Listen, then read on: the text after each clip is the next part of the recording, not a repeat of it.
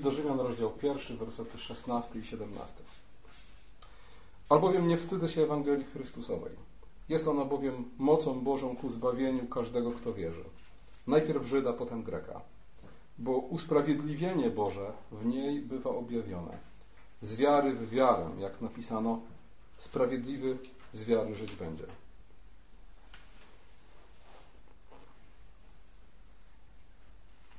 Apostoł Paweł pisze do zboru, którego nie zna. Jednocześnie wiąże z tym zborem, nieznanym sobie zborem, pewne nadzieje. Ma nadzieję, że zbór w Rzymie będzie jego oparciem, będzie dla niego oparciem w jego misji w Hiszpanii. Ponieważ zmaga się z przeciwnikami, którzy go obmawiają i kwestionują jego autorytet. To z jednej strony. Z drugiej strony, ponieważ doznaje przeszkód, które nie pozwalają mu osobiście pojechać do Rzymu, poznać zbór w Rzymie i osobiście mu się zaprezentować, pisze list, który ma być jego wizytówką. List, który odpowiada na pytanie, kim jestem i jaką Ewangelię głoszę.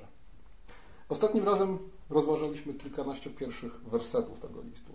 Dowiedzieliśmy się, dlaczego i w jaki sposób powstał list.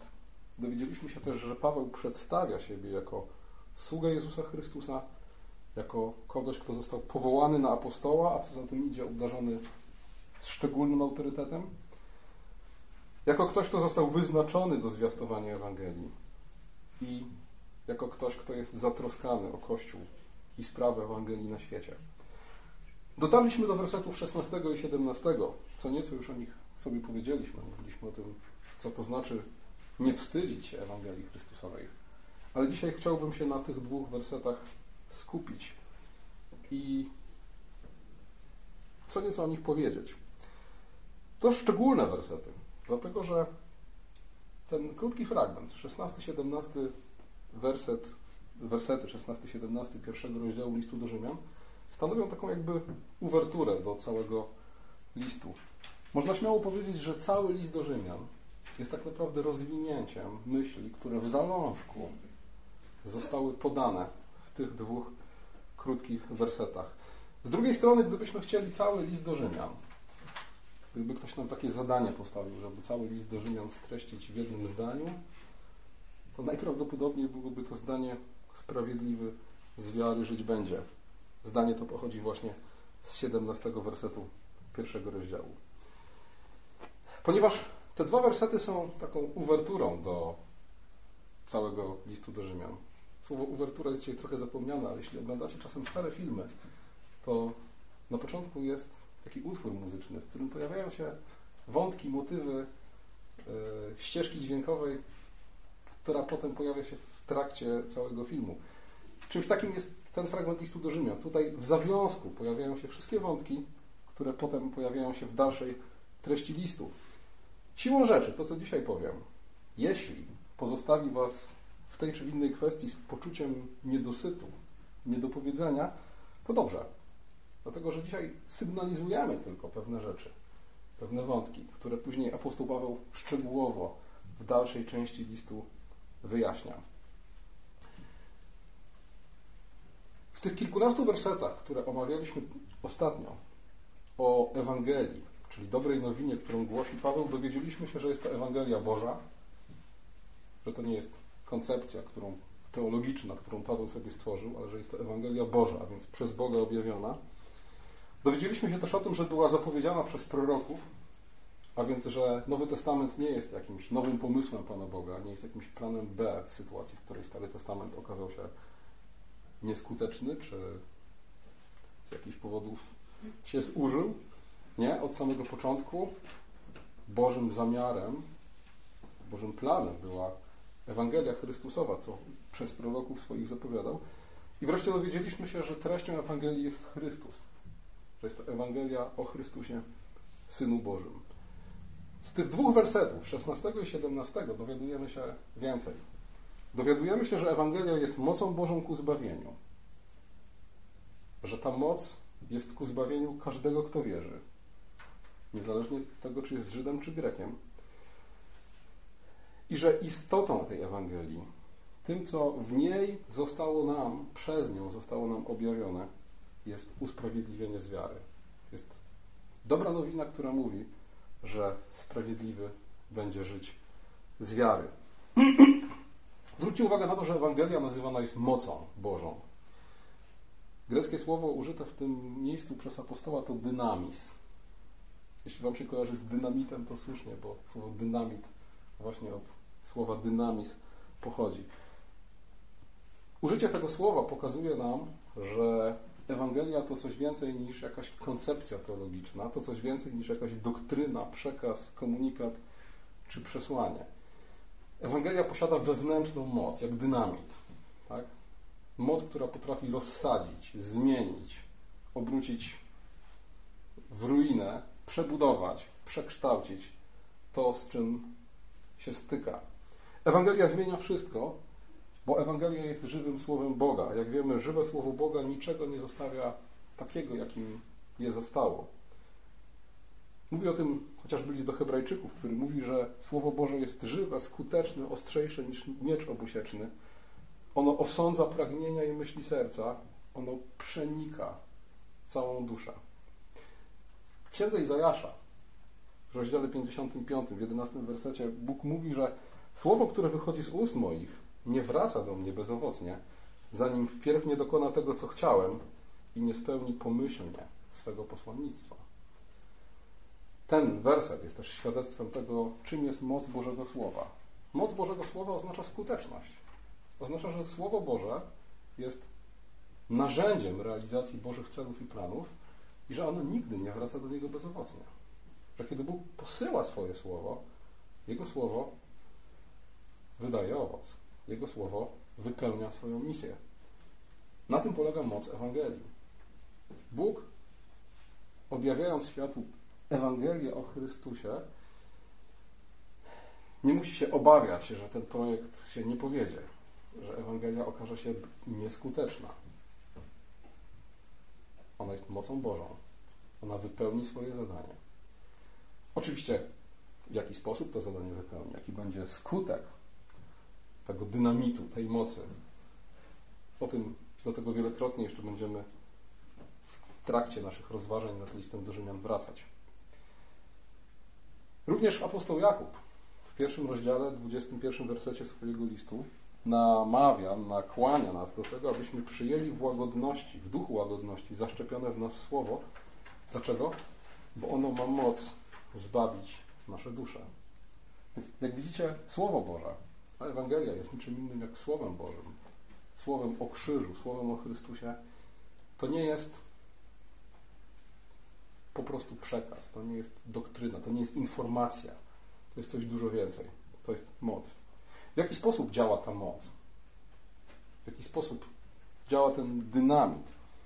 W liście do Rzymian w 10 rozdziale 17 wersecie czytamy, że wiara jest ze słuchania, a słuchanie jest przez Słowo Chrystusowe.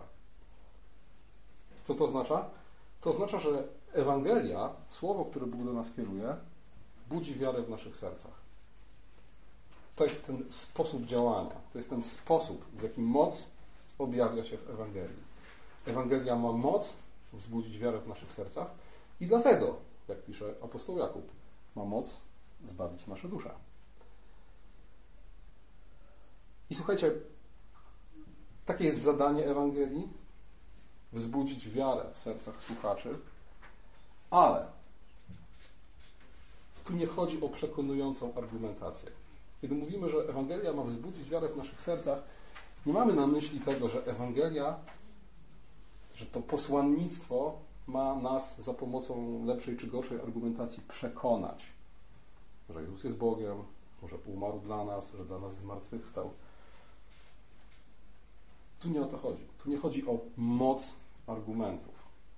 Oczywiście, argumenty są ważne, ale tu chodzi o moc, która sięga dużo dalej, dużo głębiej która przenika duszę, jak mówi list do Hebrajczyków. Dlatego, że zadaniem, jakie Bóg przez, postawił przed Ewangelią Chrystusową, jest wzbudzić wiarę w sercach ludzi, którzy z uporem tkwią w niewierze. Którzy, jak mówi w 18 wersecie pierwszego rozdziału apostoł Paweł, przez nieprawość tłumią prawdę.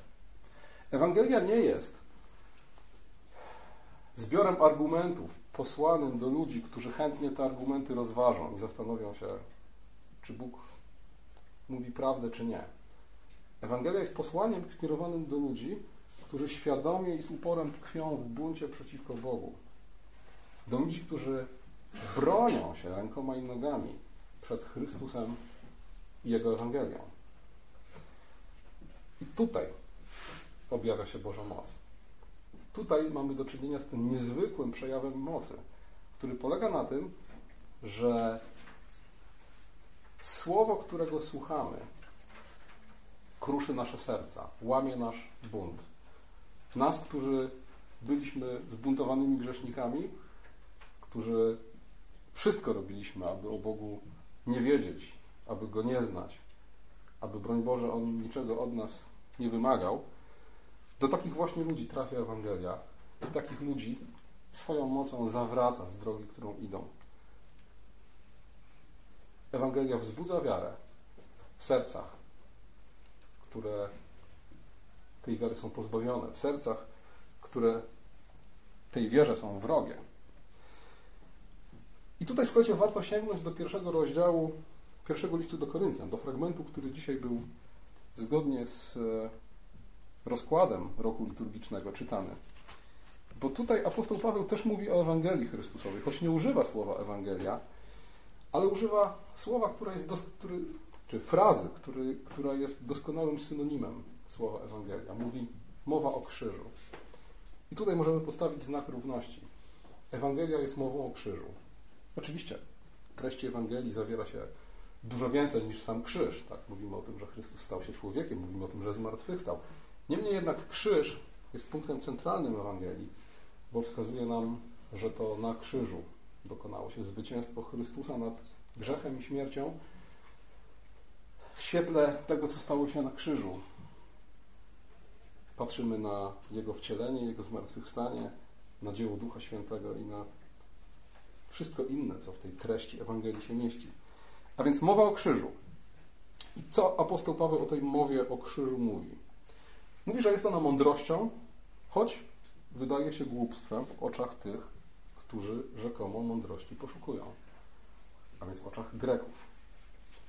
Mówi, że jest mocą, choć wydaje się słabe, a w konsekwencji wzgardzone w oczach tych, którzy szukają mocy, którzy szukają znaków, którzy szukają cudów, a więc w oczach Żydów.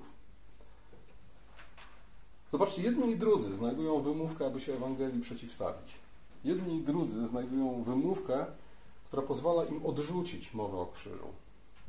Grecy, ludzie, którzy prawdziwego Boga nie znają, mówią, to jakieś głupie legendy, to jakieś baśnie są. Tu nie ma mądrości, którą widzimy u naszych filozofów. Tu nie ma tego dzielenia włosa na czworu, które uważamy za mądrość. Żydzi z kolei mówią, to jest pozbawione mocy. Nie widzimy w tym tego Boga, który pozwolił przejść suchą stopą przez Morze Czerwone, tego Boga, który plagi na Egipt spuścił, tego Boga, który, którego mocą Eliasz i Elizeusz dokonywali cudów. Nie widzimy tego tutaj. A jednak apostoł Paweł mówi, Mowa o krzyżu, czyli Ewangelia, jest mądrością, choć wydaje się głupstwem w oczach Greków, jest mocą, choć wydaje się słaba w oczach Żydów. W 25 wersecie apostoł Paweł mówi: Głupstwo Boże jest mędrsze niż ludzie, a słabość Boża mocniejsza niż ludzie. Moc Ewangelii, ta moc, której właśnie nie dostrzegają Żydzi poszukujący rzekomo mocy, objawia się w tym, i to przeoczyli, że Ewangelia dokonuje tego, czego nie mógł dokonać zakon. Na tym polega moc Ewangelii, że ona jest w stanie dokonać tego, czego prawo nie mogło dokonać. Ona jest w stanie doprowadzić człowieka do usprawiedliwienia, do pokoju z Bogiem, a w konsekwencji prowadzić go drogą uświęcenia. I tutaj list do Rzymian ósmy rozdział, trzeci werset wyjaśnia nam, że to, co było niemożliwe dla prawa, ponieważ ciało czyniło je bezsilnym, tego dokonał Bóg. W domyśle poprzez Ewangelię. Wiemy, że prawo Boże jest dobre i doskonałe. Wiemy, że przestrzeganie prawa Bożego, gdyby tylko możliwe było jego przestrzeganie od samego początku do samego końca i wypełnianie zarówno litery, jak i ducha tego prawa, wiemy, że ono doprowadziłoby człowieka do, do Boga. Wiemy też, że prawo okazało się słabe, jak mówi apostoł Paweł, z powodu ciała, więc z powodu grzechu. Grzech sprawia, że, że prawo jest bezużyteczne jako instrument usprawiedliwienia. Okazuje się bezsilne. To, co było niemożliwe dla prawa, tego dokonał Bóg poprzez Ewangelię Chrystusową. Bo, jak mówi apostoł Paweł, Ewangelia jest mocą Bożą ku zbawieniu. A więc Ewangelia przychodzi nie tylko z wezwaniem do nawrócenia, nie tylko z proklamacją tego, co stało się Chrystusie, ale przede wszystkim przychodzi z mocą. Z mocą, która wzbudza wiarę w ludzkich sercach. Z mocą, która sprawia, że zbuntowany grzesznik rozpoznaje w Chrystusie Zbawiciela i nawraca się do Niego. A zatem Ewangelia to żywe słowo, które ma moc wzbudzić wiarę w sercu człowieka. Za pomocą Ewangelii dokonuje się to, co Bóg zapowiedział chociażby księdze Ezechiela w 36 rozdziale, 26 i 27 wersecie. Dam wam nowe serce i nowego ducha do waszego wnętrza, usunę z waszego ciała serce kamienne i dam wam serce mięsiste. Wiemy, że problemem człowieka, który żyje bez Chrystusa, jest to, jest to kamienne serce. Jest to, że on przez grzech przez zatwardziałość serca, która jest wynikiem grzechu, nie jest w ogóle zdolny do tego, aby pójść za Chrystusem. Nie jest w ogóle zdolny do tego, aby w jakiś pozytywny sposób odpowiedzieć na Boże powołanie. I tę niezdolność, tę niemoc przełamuje, prze, przełamuje Ewangelia Chrystusowa. Na tym polega jej moc. Ona ma moc wzbudzić wiarę w niewierzącym sercu. Ona ma moc przemienić serce kamienne w mięsiste. Ewangelia jest mocą Bożą ku zbawieniu, jak mówi apostoł Paweł. I kolejne rozdziały listu do Rzymian, które będziemy przy kolejnej okazji omawiać, przypominają nam w wyraźny sposób, że każdy człowiek potrzebuje zbawienia, bo, jak mówi apostoł Paweł w trzecim rozdziale, 23 wersecie, wszyscy zgrzeszyli i brak im chwały Bożej. Ewangelia jest mocą Bożą ku zbawieniu, a więc jest mocą Bożą ku czemuś, co każdy człowiek, czego każdy człowiek potrzebuje, ponieważ wszyscy zgrzeszyli i pozbawieni są chwały Bożej. Człowiek nie potrzebuje instrukcji, nie potrzebuje jakiegoś koła ratunkowego, którego sam o własnych siłach się uchwyci. Nie potrzebuje pouczenia, bo jego problemem nie jest brak wiedzy na temat Boga, brak wiedzy na temat drogi zbawienia. On potrzebuje mocy, która złamie moc grzechu. A moc grzechu to jest coś, co sprawia, że człowiek chce żyć w grzechu. Że człowiek chce być daleko od Boga. On potrzebuje czegoś, co tę moc w jego życiu złamie i tym czymś jest Ewangelia. Dlatego nazywana jest mocą Bożą ku zbawieniu, bo potrafi przełamać moc grzechu w życiu człowieka. A więc człowiek zgubiony, człowiek, który z powodu grzechu oddzielony od Boga jest, potrzebuje Ewangelii. Potrzebuje nie tylko treści, które niesie ze sobą Ewangelia. Potrzebuje mocy, którą niesie ze sobą Ewangelia. Jest to moc Boża ku zbawieniu każdego, kto wierzy, najpierw Żyda, potem Greka. I znowu, w kolejnych rozdziałach listu do Rzymian zobaczymy, że Żyd i Grek z jednej strony różnią się od siebie, ale z drugiej strony są do siebie bardzo podobni. Różnią się od siebie, bo jeden zna przymierze Boga, Jego prawdę, Jego objawienie, drugi nie zna, przynajmniej nie w ten sposób. Różni są, jeśli chodzi o swoje doświadczenie Boga, o swoje doświadczenie grzechu. Każdy inaczej to przeżywa, inaczej poganin, inaczej Żyd. Ale podobni do siebie są w tym, co Paweł tytułem podsumowania podaje nam właśnie w trzecim rozdziale, 23 wersecie. Wszyscy zgrzeszyli brakiem chwały Bożej.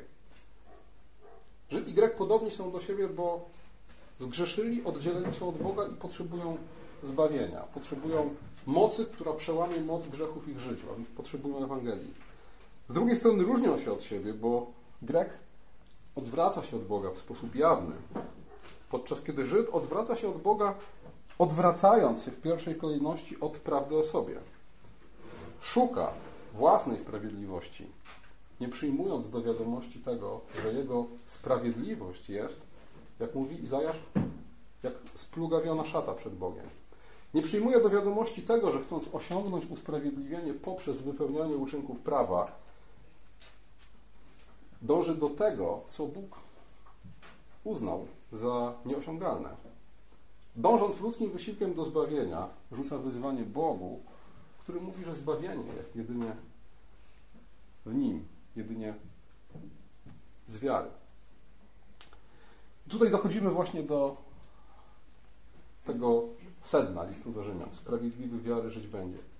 Z wiary żyć będzie. Ewangelia jest mocą Bożą ku zbawieniu każdego, kto wierzy, a sprawiedliwy z wiary żyć będzie. I znowu, te słowa, to jest też taki, taka ciekawostka. Słowa, które uznalibyśmy za sedno listu do Rzymian. Sprawiedliwy z wiary żyć będzie.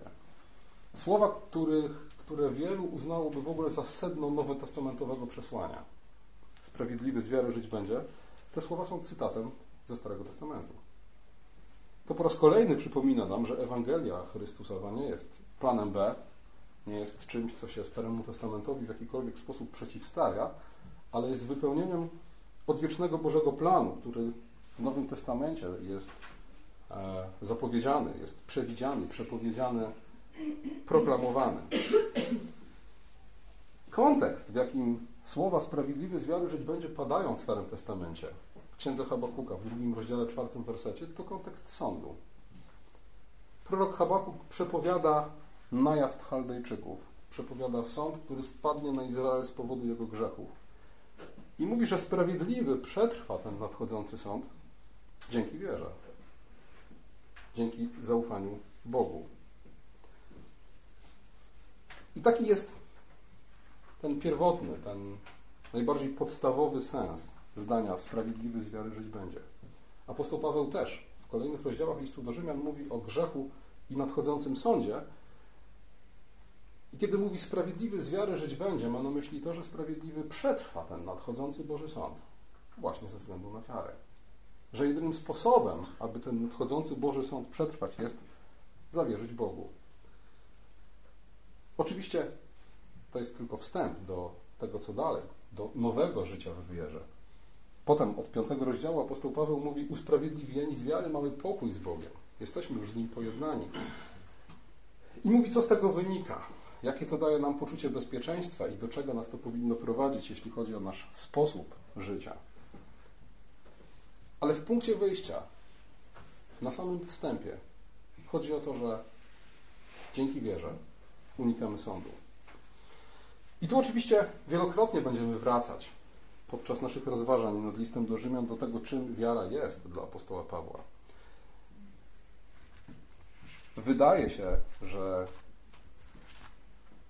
czwarty rozdział, wersety od 18 do 21 wersetu, a więc te wersety, gdzie Paweł daje przykład wiary Abrahama, że to są wersety, które w najbardziej dobitny sposób mówią nam o tym, czym jest wiara.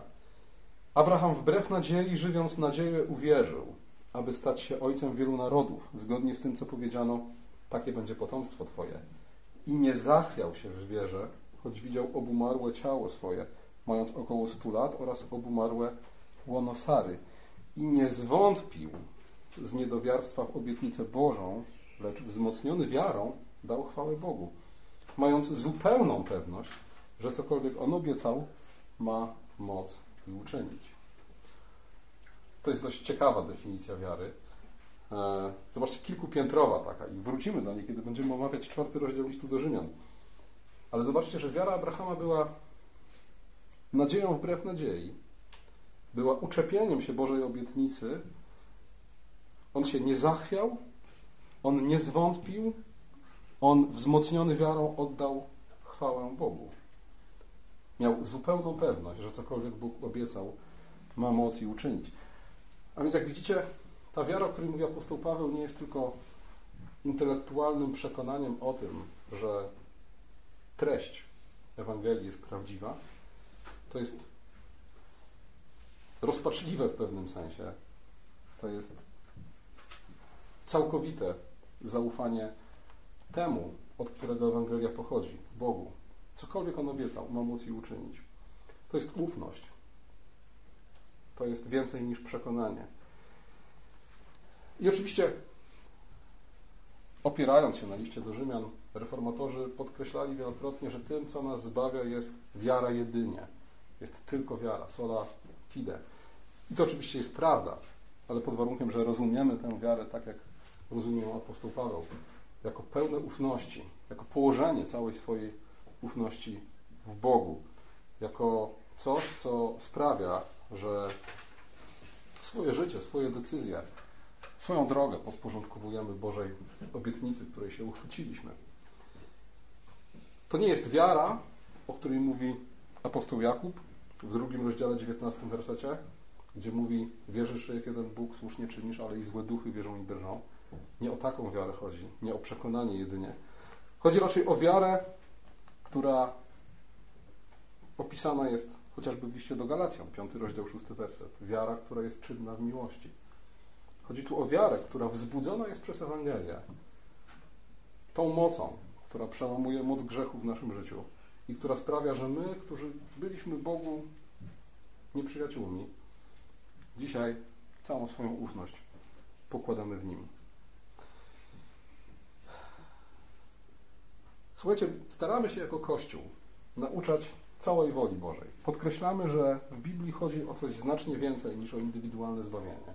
Mówimy o wszystkich, e, czy staramy się mówić, o wszystkich konsekwencjach, o wszystkich e, zastosowaniach Słowa Bożego we wszystkich dziedzinach życia. Podkreślamy, że chodzi o coś więcej niż indywidualne zbawienie. Mówimy o tym, że mówiłem o tym przy okazji pierwszego kazania z listu do Rzymian, że celem jest przywieść do posłuszeństwa wiary wszystkie narody. Podkreślamy wieloaspektowość biblijnego przesłania. I słusznie. Ale robiąc to, nie możemy zapomnieć o tym, że bramą do tego ogrodu jest Ewangelia. Ewangelia jest punktem wyjścia do tego, abyśmy mogli cokolwiek więcej powiedzieć na temat społecznych, politycznych, rodzinnych, moralnych aspektów biblijnego przesłania. Punktem wyjścia musi być Ewangelia. Punktem wyjścia musi być moc Boża ku zbawieniu każdego, kto wierzy. Wbrew poszukiwaczom mądrości i mocy, o których mówi apostoł Paweł w pierwszym liście do Koryntian, Bogu upodobało się zbawić świat poprzez, jak apostoł mówi, głupie zwiastowanie. I to głupie zwiastowanie, ta mowa o krzyżu, musi być punktem wyjścia do wszystkiego. Ewangelia jest w związku z tym prawdziwym skarbem Kościoła.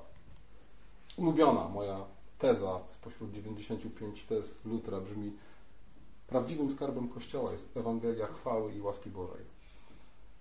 W czasach, kiedy Kościół Ewangelię zaniedbywał, w czasach, w których tworzono jakieś dziwaczne koncepcje teologiczne o skarbcu, z którego papież udziela komu jak chce odpustów i, i, i czego tylko chce. Luther powiedział wprost, jeśli Kościół posiada jakikolwiek skarb, to jest nim Ewangelia. Dlaczego? Bo ona jest mocą Bożą ku zbawieniu. Jeśli mowa o krzyżu jest mocą ku zbawieniu, jeśli Ewangelia jest mocą ku zbawieniu, oznacza to, że Kościół innej mocy nie potrzebuje. A zatem błądzą wszyscy ci, którzy na przykład używają pojęcia pełna Ewangelia na określenie przesłania, którego istotą są prawdziwe lub rzekome cuda i znaki. My oczywiście wierzymy, że Bóg ma moc dokonywać cudów w każdym czasie, również dzisiaj. Ale przede wszystkim wierzymy, że Ewangelia jest pełna sama w sobie, wtedy, kiedy jest mową o krzyżu. wtedy, kiedy jest zwiastowaniem Chrystusa, wtedy, kiedy jest zwiastowaniem usprawiedliwienia z wiary. A to dlatego, że jakakolwiek, jakiekolwiek przejawy mocy, jakiekolwiek uzdrowienia, czy cokolwiek innego, jakkolwiek powinniśmy być Bogu za nie wdzięczni, to jednak musimy pamiętać o tym, że dużo większa moc, dużo większym przejawem mocy, choć niekoniecznie tak to wygląda w naszych oczach, jest Ewangelia, która budzi wiarę w sercu zbuntowanego grzesznika i przełamuje moc grzechu w jego życiu. To jest moc, przy której blednie wszelki znak, wszelkie uzdrowienie, wszelki cud. Amen. Thank you.